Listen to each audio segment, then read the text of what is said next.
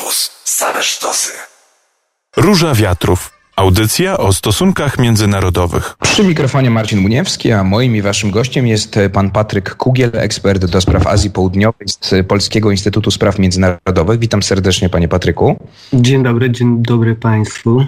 Liczba osób zakażonych koronawirusem przekroczyła we wtorek w Indiach 20 milionów. Do tej pory z powodu COVID-19 w kraju zmarło 200 ponad 220 tysięcy osób, a to oznacza, że liczba osób zainfekowanych niemal podwoiła się w ciągu zaledwie trzech miesięcy. Tyle, tyle liczby, e, no ile można mówić o suchych liczbach, jeśli chodzi o, o, o zgony i zakażenia, ale mam do Pana pytanie, jakby Pan mógł nam przedstawić sytuację w Indiach dokładniej, na ile służba zdrowia w e, Indii radzi sobie, albo może nie radzi sobie z e, tymi liczbami, z, tym, z, z, tym, z tymi wzrostami, jeśli chodzi o zakażenia i zgony? No, sytuacja w Indiach jest bardzo dynamiczna i to jest y, całkowity zwrot akcji przez ostatnie dwa miesiące, tak? Bo pamiętajmy, jeszcze w lutym tego roku w Indiach y, odnotowywano nawet poniżej 10 tysięcy zachorowań dziennie. I z 10 tysięcy mamy skok na 400 tysięcy w zaledwie dwa miesiące. Tak? W związku z tym to świetnie obrazują różne wykresy, które pokazują, że ta krzywa zamieniła się po prostu w startującą w niebo rakietę. E, no jest to po prostu ściana, tak? Jakby, więc pod tak gwałtownym naporem mm, nowych chorych, tak? I, i tak dynamicznie rozwijającą się falą e, zachorowań na COVID-19, system zdrowia wielu państw pewnie miałby problemy, a system indyjski po prostu się rozleciał. To są E, to jest e, jakby efekt tak naprawdę niedofinansowania tej ochrony zdrowia w Indiach przez ostatnie 70 lat. No i dzisiaj po prostu zbieramy żniwo tego, e, tych, tych zaniedbań przez 70 lat. No i ten, ten system nie był w stanie sobie poradzić z taką mm, epidemią. Yy, i brakuje wielu produktów. Tak? Po pierwsze brakuje tlenu, brakuje sprzętu, respiratorów, brakuje mm, pracowników i lekarzy. W związku z tym no, sytuacja dzisiaj jest y, trudna tak? I, i po prostu mm, całe, całe Indie są zaskoczone tym, jak, jak dynamicznie y, wzrosła liczba zachorowań, no i ten, no i ten system przestał działać. No właśnie, panie y, y, Patryku, jeszcze w lutym rozmawialiśmy o tym, że Indie, y, no po pierwsze, rozpoczęły masowo kampanię szczepień. Do sierpnia szczepienia miało otrzymać szczepionkę 300 milionów osób. Ta średnia, tak jak pan powiedział, dziennych zachorowań to było 10 tysięcy.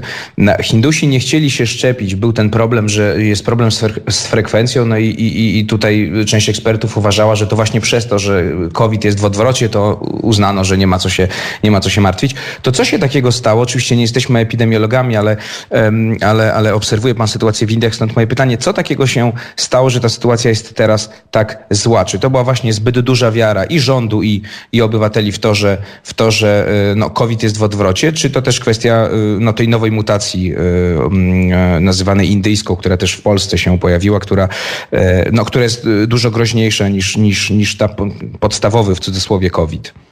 No to jest jak zwykle splot wielu różnych czyn, czynników i myślę, że no, nie jestem wirusologiem, ale podejrzewam, że jednak nowe mutacje wirusa pewnie odgrywają tutaj jednak wiodącą rolę, tak? Bo, bo przecież w Indiach też było dużo ludzi e, rok temu, tak? I ta pierwsza fala zachorowań no, w szczytowym momencie osiąg nie przekroczyła 100 tysięcy e, zachorowań dziennie. W związku z tym e, to, to był ten sam kraj, prawda? A nagle mamy 400 tysięcy dziennie, więc ja bym raczej, no, jakbym miał zgadywać tak naprawdę, no to myślę, że jednak i ta mutacja brytyjska, która jest od października w Indiach i ta nowa mutacja indyjska pewnie no, mają duży udział w tym, dlaczego ta choroba zaczęła się tak dynamicznie rozwijać. No, a druga sprawa, kluczowa jest taka, no, że nie zachowano różnych zasad ostrożności przez ostatnie miesiące. E, wydawało się właśnie w Indiach chyba wszystkim od rządu przez e, społeczeństwo, e, po każdego człowieka, że ten COVID jest w zasadzie już pokonany. Zaczęły się szczepienia, było kilka tysięcy zachorowań dziennie, co na skalę tego państwa to jest pra praktycznie znikoma. E, więc e, zaprzestano noszenia maseczek, zaczęły się odbywać różne spotkania. No życie po prostu wróciło do, do normy, do, do normalności. No i odbywały się też różne masowe spotkania, wiece wyborcze, tak mieliśmy wybory w pięciu stanach indyjskich, wybory takie lokalne czy stanowe. E, mieliśmy różne zgromadzenia religijne, gdzie dziesiątki milionów ludzi brało udział. Więc e, no, też w retoryce władz nie? Było, takie przekonanie, pewne uczucie triumfalizmu no, i jakby chęć e, zdyskontowania sukcesów w pokonaniu COVID-u w pierwszej fali. No i też politycy indyjscy wypowiadali, politycy indyjscy wypowiadali się dość lekceważąco o, o zagrożeniu wirusem, tak, jakby sami nie nosili e, maseczek często, e, sugerowali, że wystarczy na przykład jakieś leki ajurwedyczne, czyli takie tradycyjne stosować i to jakby zabezpieczy ludzi przed e, zachorowaniami. No, generalnie nie dochowano należytej ostrożności, no bo faktycznie wydawało się, że, że ta choroba jakby w Indiach no, została pokonana. No. Jak proszę powiedzieć, panie Patryku, y, y, jaki wpływ mogła mieć też kampania szczepień, no bo pojawiły się, pojawiły się takie zarzuty pod adresem rządu, że zbyt dużo szczepionek, znaczy zbyt mało przeznaczono na, na, na, na użytek wewnętrzny, zbyt dużo na, na eksport, no i też stąd ta, ta, ta kampania szczepień no nie przebiegała tak, tak szybko, jak, jakby mogła przebiegać. Ja myślę, że chyba to, to nie jest do końca słuszny zarzut, bo z kilku powodów. Po pierwsze, no, łącznie Indie wyeksportowały 66 milionów szczepionek e, za granicę do, do dnia dzisiejszego, ale ten eksport rozwijał się głównie w pierwszych miesiącach, właśnie w styczniu, w lutym, może jeszcze początek marca, czyli wtedy, kiedy liczba zachorowań w Indiach e, nie była wysoka. No i kiedy też ten program szczepień dopiero się rozwijał, tak? Jakby Narodowy Program Szczepień w Indiach ruszył 16 stycznia i na początku ciężko było zgromadzić 200 tysięcy chętnych, tak? Później pół miliona. No w szczytowych y, momentach, dniach y, w Indiach wykonuje się 3 miliony szczepień, około 3 milionów szczepień.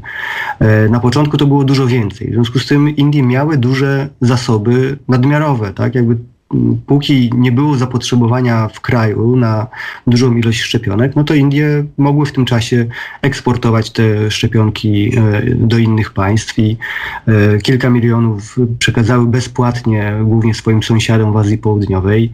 30 milionów sprzedały po prostu na, na wolnym rynku, a, a 20 milionów zasiliło taki program międzynarodowy COVAX, e, w ramach którego szczepionki trafiają do państw najuboższych. Więc jakby ja nie widzę do końca takiego związku, a takie zarzuty się faktycznie często pojawiają, takiego związku między tym, że Indie wyeksportowały szczepionek, dlatego nie zaszczepiły wystarczająco dużo własnych obywateli. No, w Indiach było dużo szczepionek jeszcze na początku marca, prawda, czy, czy, czy, czy w, w lutym, E, a mimo to udawało się wtedy zaszczepić milion, dwa miliony ludzi. Tak? W związku z tym nie było jeszcze czy całej infrastruktury do szczepień, czy zainteresowania wśród, wśród ludności, że jakby Indie nie wykorzystywały po prostu wszystkich szczepionek, jakie miały w tamtym momencie. Dzisiaj ta sytuacja pewnie wygląda już inaczej, tak? Więc e, dzisiaj faktycznie zaczyna brakować szczepionek i indyjskie firmy, które produkują te szczepionki, nie wyrabiają się z produkcją i brakuje brakuje, też, też dlatego się nie wyrabiają, że brakuje im półproduktów potrzebnych do produkcji szczepionek, które przez długi czas na przykład y, blokowały ich sprzedaż Stany Zjednoczone czy inne państwa. Tak? W związku z tym y, ta produkcja po prostu spowolniła szczepionek w Indiach. Indie już od y, kilku tygodni nie eksportują szczepionek za granicę. Cały, cały ten swoje, swoje zapasy są skierowane na rynek wewnętrzny, a mimo to no, wczoraj chociażby zaszczepiono półtora miliona miliona e, osób, tak? To, to, to jest za mało, bo jakby na skalę tej populacji y, tych szczepień powinno być kilka razy więcej. Wystarczy podać może taką informację, że Chiny, które mają prawda, podobną populację do, do Indii, 1,4 miliarda ludzi, no, wykonują tych szczepionek 10 y, czy 11 milionów dziennie. Tak? W związku z tym to y, ta, ta akcja szczepionkowa w Chinach przebiega dużo lepiej. No i taka skala pewnie musiałaby być też w Indiach. I tutaj no. postawmy, panie Patryku, przycinek. Do rozmowy za chwilkę powrócimy. Róża Wiatrów. Audycja o stosunkach międzynarodowych. Przy mikrofonie Marcin Uniewski. Moim i waszym gościem jest pan Patryk Kugiel, ekspert do spraw Azji Południowej z Polskiego Instytutu Spraw Międzynarodowych, a my rozmawiamy o sytuacji w Indiach, sytuacji tragicznej, jeśli chodzi o pandemię. 20 e, milionów e, osób e, przekroczyło tą liczbę 20 milionów osób, jeśli chodzi o zakażenia. Ponad 220 tysięcy osób w Indiach zmarło. Indyjska Służba Zdrowia, no, jak powiedział pan Patryk w naszej w poprzednim wejściu, tak naprawdę się rozleciała, nie, nie daje sobie z tym wszystkim rady a w czasie tej pandemii w poniedziałek e, rządząca indyjska partia ludowa przegrała wybory stanowe w ważnym stanie Bengalu Zachodnim. I teraz moje pytanie do pana, panie Patryku, jest takie, na ile ta porażka jest spowodowana tragiczną sytuacją w Indiach? No i czy ona nam coś mówi o nastrojach no właśnie, że ludzie są, nie wiem, rozczarowani, zdenerwowani tym, jak rząd premiera Narendry Modiego podchodzi do, do sytuacji pandemicznej, czy obwiniają na przykład e, rząd również o to, co się, co się dzieje?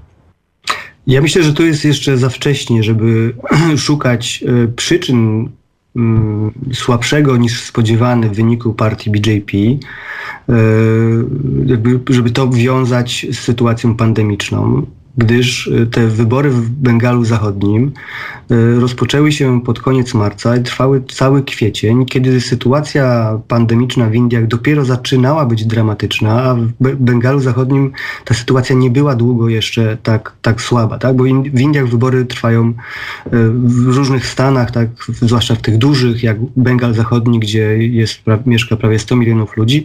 Te wybory są podzielone na kilka etapów i w no Bengalu Zachodnim one trwały prawda, w ośmiu etapach, etapach ponad miesiąc. Więc y, na początku tego okresu no, COVID nie był tematem. Tak? Jakby to, to na wyniki wyborów wpływają też różne czynniki indywidualne, lokalne i tak dalej. Więc y, BJP raczej y, liczyła, partia Modiego liczyła na to, że w lutym jeszcze, czy, czy na początku marca, że pokonanie pierwszej fali COVID-u raczej powinno im pomóc uzyskać bardzo dobry wynik i pokonać rządzącą w tym stanie lokalną polityczkę Mamatę Banerjee, która jest mm, no, zagorzałą krytyczką premiera, premiera Modiego. Więc y, BJP liczyło na zwycięstwo w Bengalu Zachodnim, a ostatecznie okazało się, że, że y, to się nie udało. BJP zwiększyło swój stan posiadania, więc jakby jest pewien postęp y, i no, umocniło swoją pozycję w Bengalu Zachodnim, gdzie nigdy partia BJP nie była popularna, nie miała dużych wpływów, więc w jakim sensie BJP tak naprawdę się wzmocniło w tych wyborach, tylko jakby rozczarowało się w stosunku do swoich własnych oczekiwań, tak, że była trochę nadzieja na to, że mm, wskazując na świetne wyniki w walce z COVID-em w pierwszej fali, no BJP i premier Modi będzie mógł to zdyskontować politycznie i wygrać te wybory w Bengalu Zachodnim i w innych stanach.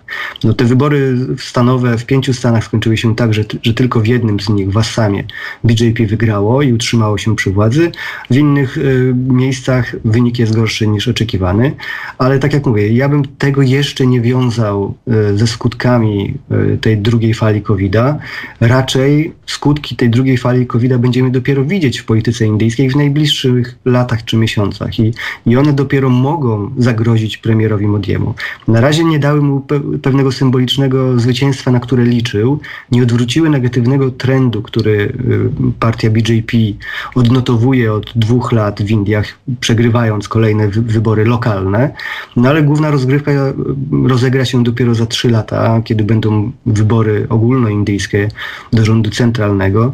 No i teraz jest pytanie takie, na ile COVID-19 i ta obecna dramatyczna i katastrofalna sytuacja w Indiach, na ile to dopiero zaszkodzi premierowi Modiemu. No i moja prognoza jest taka, że to może być jednak moment zwrotny. No, bo... no właśnie, miałem pana dopytać, bo do wyborów trzy lata, to prawda, więc trudno mówić na razie o końcu Modiego, no ale czy to może być jakiś taki początek końca, albo taka rysa, która będzie się no właśnie powiększała wraz, no zobaczymy jak sytuacja wygląda, bo oczywiście nie była gorsza, no ale gdyby ona była gorsza, jak to ta rysa będzie się powiększała, e, no a mm, ostatecznie może doprowadzić do, do porażki Modiego. No ja myślę, że to jest moment zwrotny w polityce wewnętrznej Indii. E, i to faktycznie może za, zaszkodzić Modiemu. On był szalenie popularnym politykiem. W zasadzie on sam wygrywał te wybory dla partii BJP, która korzystała z jego charyzmy, jego pewnego wizerunku, takiego mędrca, y, skutecznego zarządcy, ascety i pracocholika. I y, no, był szalenie popularny w Indiach. Jeszcze na jesieni zeszłego roku no, miał ponad 70% poparcia w społeczeństwie. Mimo tego, że popełniał różne błędy, przeprowadzał pewne reformy niepopularne, bez konsultacji, no, źle zorganizowane, źle przygotowane i nic mu nie szkodziło. E, teraz jednak wydaje się mi, że ta sytuacja związana z COVID-em i to, że no, wiele osób, także wśród wyborców, dziesiątki tysięcy osób, także wśród wyborców partii BJP, ma kogoś pewnie w rodzinie, kto umarł, czy ciężko przechorował COVID-19 i będą jednak o, o, obwiniali rząd, e, rząd obecny o tą sytuację. No, Modi nie sprostał w tym momencie swojemu wizerunkowi no, tego skutecznego zarządcy, który zgasi każdy pro, pożar i rozwiąże każdy problem. No, katastrofa jest y, w służbie zdrowia jest oczywista, dotyka wszystkie klasy społeczne, y, tak samo tą klasę średnią, tak, gdzie też BJP miała duże poparcie, więc no, zobaczymy jak długo ta sytuacja potrwa, jakie będą też skutki ekonomiczne, no ale na dzień dzisiejszy z moich obserwacji też różnych mediów i społecznościowych i normalnych i znajomych znajomych w Indiach, no to wydaje się, że no, oburzenie na tą sytuację i obwinianie rządu o tą sytuację jest na tyle duże, że że BJP może być w poważnych problemach, no, patrząc na perspektywę najbliższych dwóch, trzech lat. Róża Wiatrów. Audycja o stosunkach międzynarodowych. Z nami cały czas e, pan Patryk Kugiel, ekspert do spraw Azji Południowej z Polskiego Instytutu Spraw Międzynarodowych, a my rozmawiamy o mm, Indiach, w których we wtorek e, liczba zakażonych przekroczyła 20 milionów. Do tej pory z powodu COVID-19 zmarło ponad 220 tysięcy osób. Sytuacja jest tragiczna, jeśli chodzi o mm, o, o pandemię w Indiach. Rozmawialiśmy również o kwestii politycznych, e, no bo one się również z tym, z tym łączą. Pojawiła się pewna rysa na wizerunku premiera Modiego, czyli, czyli słaby wynik jego partii w wyborach stanowych, szczególnie w Bengalu e, Zachodnim. E, Modi władzy na razie nie straci, tak jak powiedzieliśmy, ale co z pozycją Indii w regionie, panie Patryku? Bo Indie no, miały rywalizować z Chinami, jeśli chodzi o skuteczność walki z pandemią, o dystrybucję szczepionek, do, szczególnie do sąsiadów, do tych państw e, biedniejszych. No a teraz same muszą przyjmować pomoc od innych państw. Pomoc zaproponował nawet Pakistan, czyli no, odwieczny wróg, można tak upraszczając powiedzieć, Indii, co musiało być dość dużym, e, dość dużym policzkiem dla, pewnie dla, dla indyjskich nacjonalistów, że Pakistan proponuje pomoc.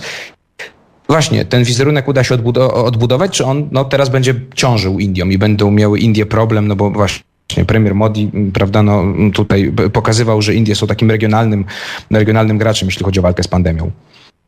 No tak, no to jest e, katastrofa wizerunkowa także, tak? Nie tylko humanitarny kryzys wewnątrz kraju, ale to jest też katastrofa wizerunkowa dla Indii, które miały ogromne ambicje do tego, żeby odgrywać rolę światowego mocarstwa, pewnej e, potęgi wiodącej, jak to określał premier Modi, i takiej siły działającej na rzecz dobra. Tak? Jakby Indie dlatego też rozwijały tą swoją dyplomację szczepionkową, żeby pokazać no, pewną też taką moralną postawę Indii i gotowość do tego, żeby solidarnie dzielić się szczepionkami i pomagać innym, innym państwom, a jednocześnie na tym właśnie budować tą swoją pozycję międzynarodową, jako Indii, które działają na rzecz e, sprawiedliwości i e, do, dobra publicznego, globalnego. No więc e, ten dzisiejszy, dzisiejsza sytuacja w Indiach i jakby no, ilustracja rozkładu służby zdrowia i pewnej dysfunkcjonalności państwa no, jest ogromnym ciosem w wizerunek Indii, tak w regionie, jak i na całym świecie, tak, i, i na zachodzie. No, to, to, to pewnie też uderzy chociażby w atrakcyjność inwestycyjną Indii, no bo y, zagraniczne firmy no, będą jednak miały pewne teraz większe obawy do tego, czy inwestować w kraju, gdzie no, no, system zdrowia chociażby nie, nie funkcjonuje, prawda, i, i może się rozlecieć pod, pod naporem y, pandemii. Więc y, Indie miały duże ambicje i początek tego programu szczepień y, i konkurencji w dyplomacji szczepionkowej z, z Chinami wyglądał imponująco. Y, Indie były dużo bardziej transparentne, dużo więcej szczepionek dawały w formie grantów niż y, sprzedawały, niż Chiny. były mocnym mm, ogniwem w tym programie właśnie międzynarodowym, międzynarodowych szczepień. No i y, więc były na bardzo dobrej drodze, żeby umocnić swoją pozycję międzynarodową.